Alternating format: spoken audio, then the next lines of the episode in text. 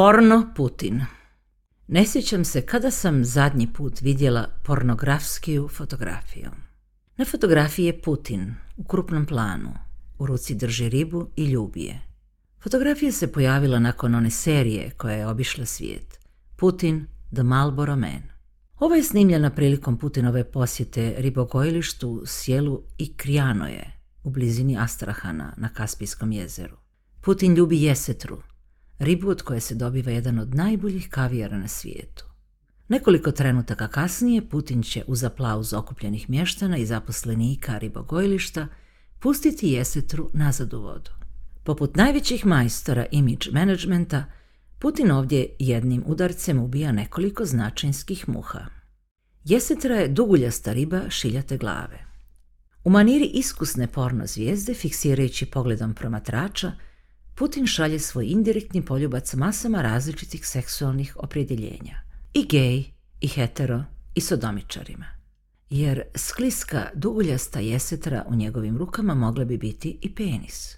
Putin ljubi taj organ na njegovu najosjetljivijem dijelu. Ovdje dodajemo detalj. Putin je prije nekog vremena zadigao majicu nepoznatom dječačiću i pred televizijskim kamerama kompulzivno poljubio dječačića u pupak.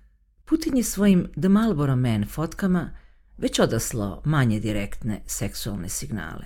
Na tim fotografijama nije bilo žena, ukoliko se u žene ne račune imenice ženskog roda, tako je barem u ruskom jeziku, kao rijeka i voda.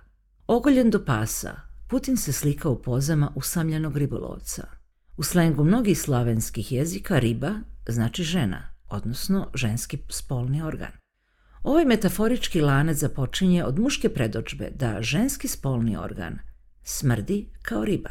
Neustrašivi Putin ljubi dakle smrdljivu ribu, pri čemu je riblje oko koje se razire ispod Putinovih nosnica toplije i nježnije od Putinova.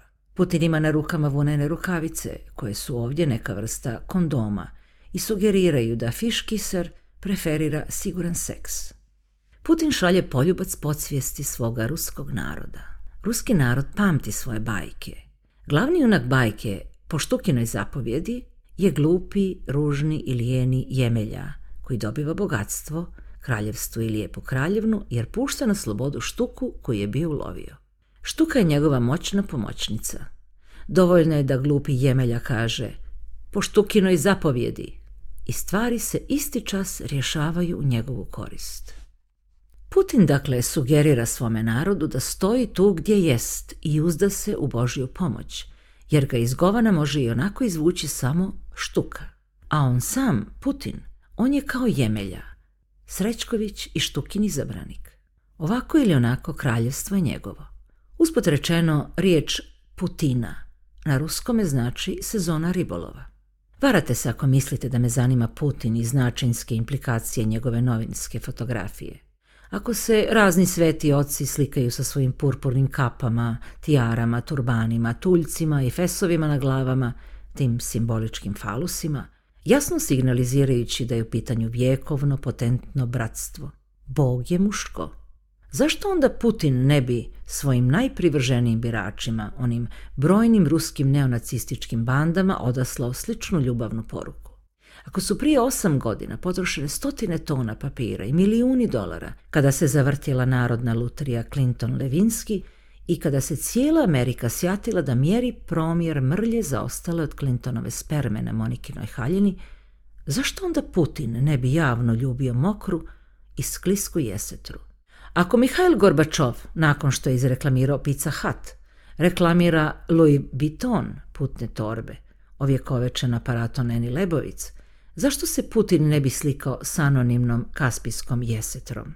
Ako je Nikolas Sarkozy našao kompatibilnog biografa u književnici Jasmini Reza, zašto Putin ne bi našao kompatibilnu utjehu u ribi? Zapravo, ne zanima me ni Putin, ni riba, nego glad. Glad za eksponiranjem. Što je induciralo tu masovnu glad? Još prije dvadeseta godina pravila ponašanja nalagala su posve suprotno.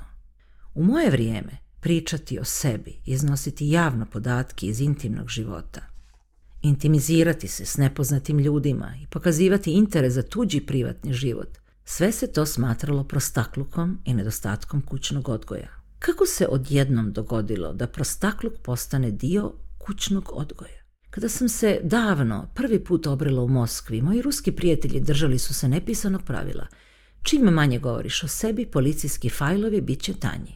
Kako to da danas svi kao da hrle da napune nevidljive policijske fajlove?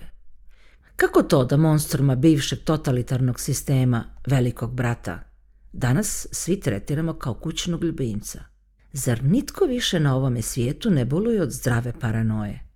Većina stranaca koji žive u Holandiji žale se da ih Holanđani nikada ili veoma rijetko pozivaju u svoju kuću. Kažu da je razlog tomu protestantska kultura koja privatnost i pravo na privatnost smatra jednim od svojih temeljnih vrijednosti. Možda je i tako, ali zato sve što želite saznati o holanđanima i onako stoji izvješeno u njihovim prozorima. Dovoljno je da stranac prošeće po stambenim naseljima u predgrađima i na prozorima kao izlogu nađe izvješene fotografije stanara, fotografski izvještaje s njihovih godišnjih odmora, obiteljski žanr scene s djecom, Prava poslastica za pedofile.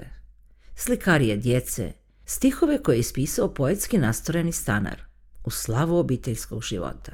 Izvješća o rođenju prinova, fotografije prinova, izvješća o smrti obitelji. Mediji su inducirali gladu milijunima običnih smrtnika i pumpaju tu glad sve više. I opća glad za samoeksponiranjem sve jača. Milijunima anonimnih lakomaca – Možda nisu tako lako dostupne naslovne stranice svjetskih novina ili udarne vijesti na televiziji, kao što jesu Paris, Hilton i Putinu, ali su anonimni pronašli svoje medije, mobilne telefone, internet, blogove, web sajtove, internetske forume, televizijske programe u kojima nastupaju kao gladijatori našega vremena. Ako ni to nemaju, preostaje im medij javnog prostora – u Amsterdamu svi znaju za onog ludog Amsterdamca koji povremeno gol kao od majke je rođen, projuri ulicama na koturaljkama. Oni pak posve potuljeni što žive po predgrađima. Sješće na skutere i zujeće noću po nasiljima ne li upozorili pozaspale stanovnike na svoje postojanje. Anonimni ostavljaju za sebe svoj potpis. Buku. Paradoks je u sljedećem. Što više jedemo, to smo više gladni što imamo više mogućnosti da upišemo svoje ime na mapu svijeta, to je strah od nestajanja veći. Što više tragova o vlastitu postojanju ostavljamo iza sebe, tragovi se brže brišu. Što više knjiga objavljujemo, one se brže zaboravljaju. Što više filmova gledamo, nismo se u stanju sjetiti njihovih naslova. Jedno od američkih sveučilišta započelo je projekat otkupljivanja arhiva poznatih pisaca koji pišu na engleskom jeziku. Neki mladi pisci ti koji još nemaju ni biografiju, pa konzekventno tome ni arhiv, unaprijed su prodali svoje buduće arhive tom sveučilištu. Odakle taj paničan strah od nestajanja kada kažu ne samo da živimo duže, nego su i mogućnosti da ostavimo dokaze o svome postojanju nesravnjivo veće nego prije. Iza naših predaka ostajalo je svega nekoliko fotografija, obično obiteljskih. Mi danas bilježimo apsolutno sve naše začeće, naš život u majčinoj utrobi, izlazak iz majčine utrobe, igre, odrastanje, svaku minutu, svaki mjesec, svaku godinu, operaciju, izlet, seksualni čin, vađenje zuba, posjet koncertu, apsolutno sve. Čak i ako sami to ne činimo, na rekordiranju naše biografije rade mnogi službe. Negdje je zabilježena svaka naša kupovina avionske karte, večera, kupovina cipela, posjet liječniku, parkiranje. A kada sve snimimo, presnimimo, kada sve zabilježimo, kada naši arhivi budu puni i prije našeg faktičkog rođenja, postoji veliki rizik da ćemo se svi zajedno se zemaljskom kuglom raspuknuti kao golema, prepunjena plastična vreća. I za svakoga od nas ostati će gomila fotografija, mobitela, videovrpci, videozapisa, filmova, digitalnih zapisa računa. Možda iz tog smeća proviri fotografija nepoznatog muškarca na pogleda koji ljubi ribu. Ali dok se ne dogodi globalni prasak, utažujemo našu glad, eksponirajmo se. Neka nas ništa ne sprečava u tomu, jer živi smo očito samo onda kada drugi znaju za vas. Usput rečeno, istog dana kada su novine prenijele fotografiju Putina koji ljubi ribu, medicinski časopis The Lancet objavio je poražavajuće rezultate jednog istraživanja Svjetske zdravstvene organizacije. Ispostavlja se naime da trećina čovječanstva pati od nekog oblika mentalnog poremećaja. Dvije trećine od te zastrašujuće brojke ne prima nikakvu stručnu pomoć. Kakve sad veze ima Putin koji ljubi ribu i onih 30% čovječanstva koje je mentalno poremećeno?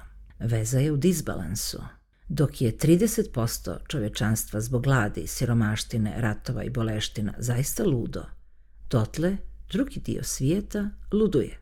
A kad smo već kod ludovanja, imam fotku koja proizvodi bogato asocijativno polje s jednom impresivnom vertikalom s jednim kaktusom. Fotka je snimljena u jednom od najvećih kaktusnjaka na svijetu, u Huntington Gardens u Los Angelesu. Ako ste zainteresirani da je objavite, samo javite. Lipanj 2007.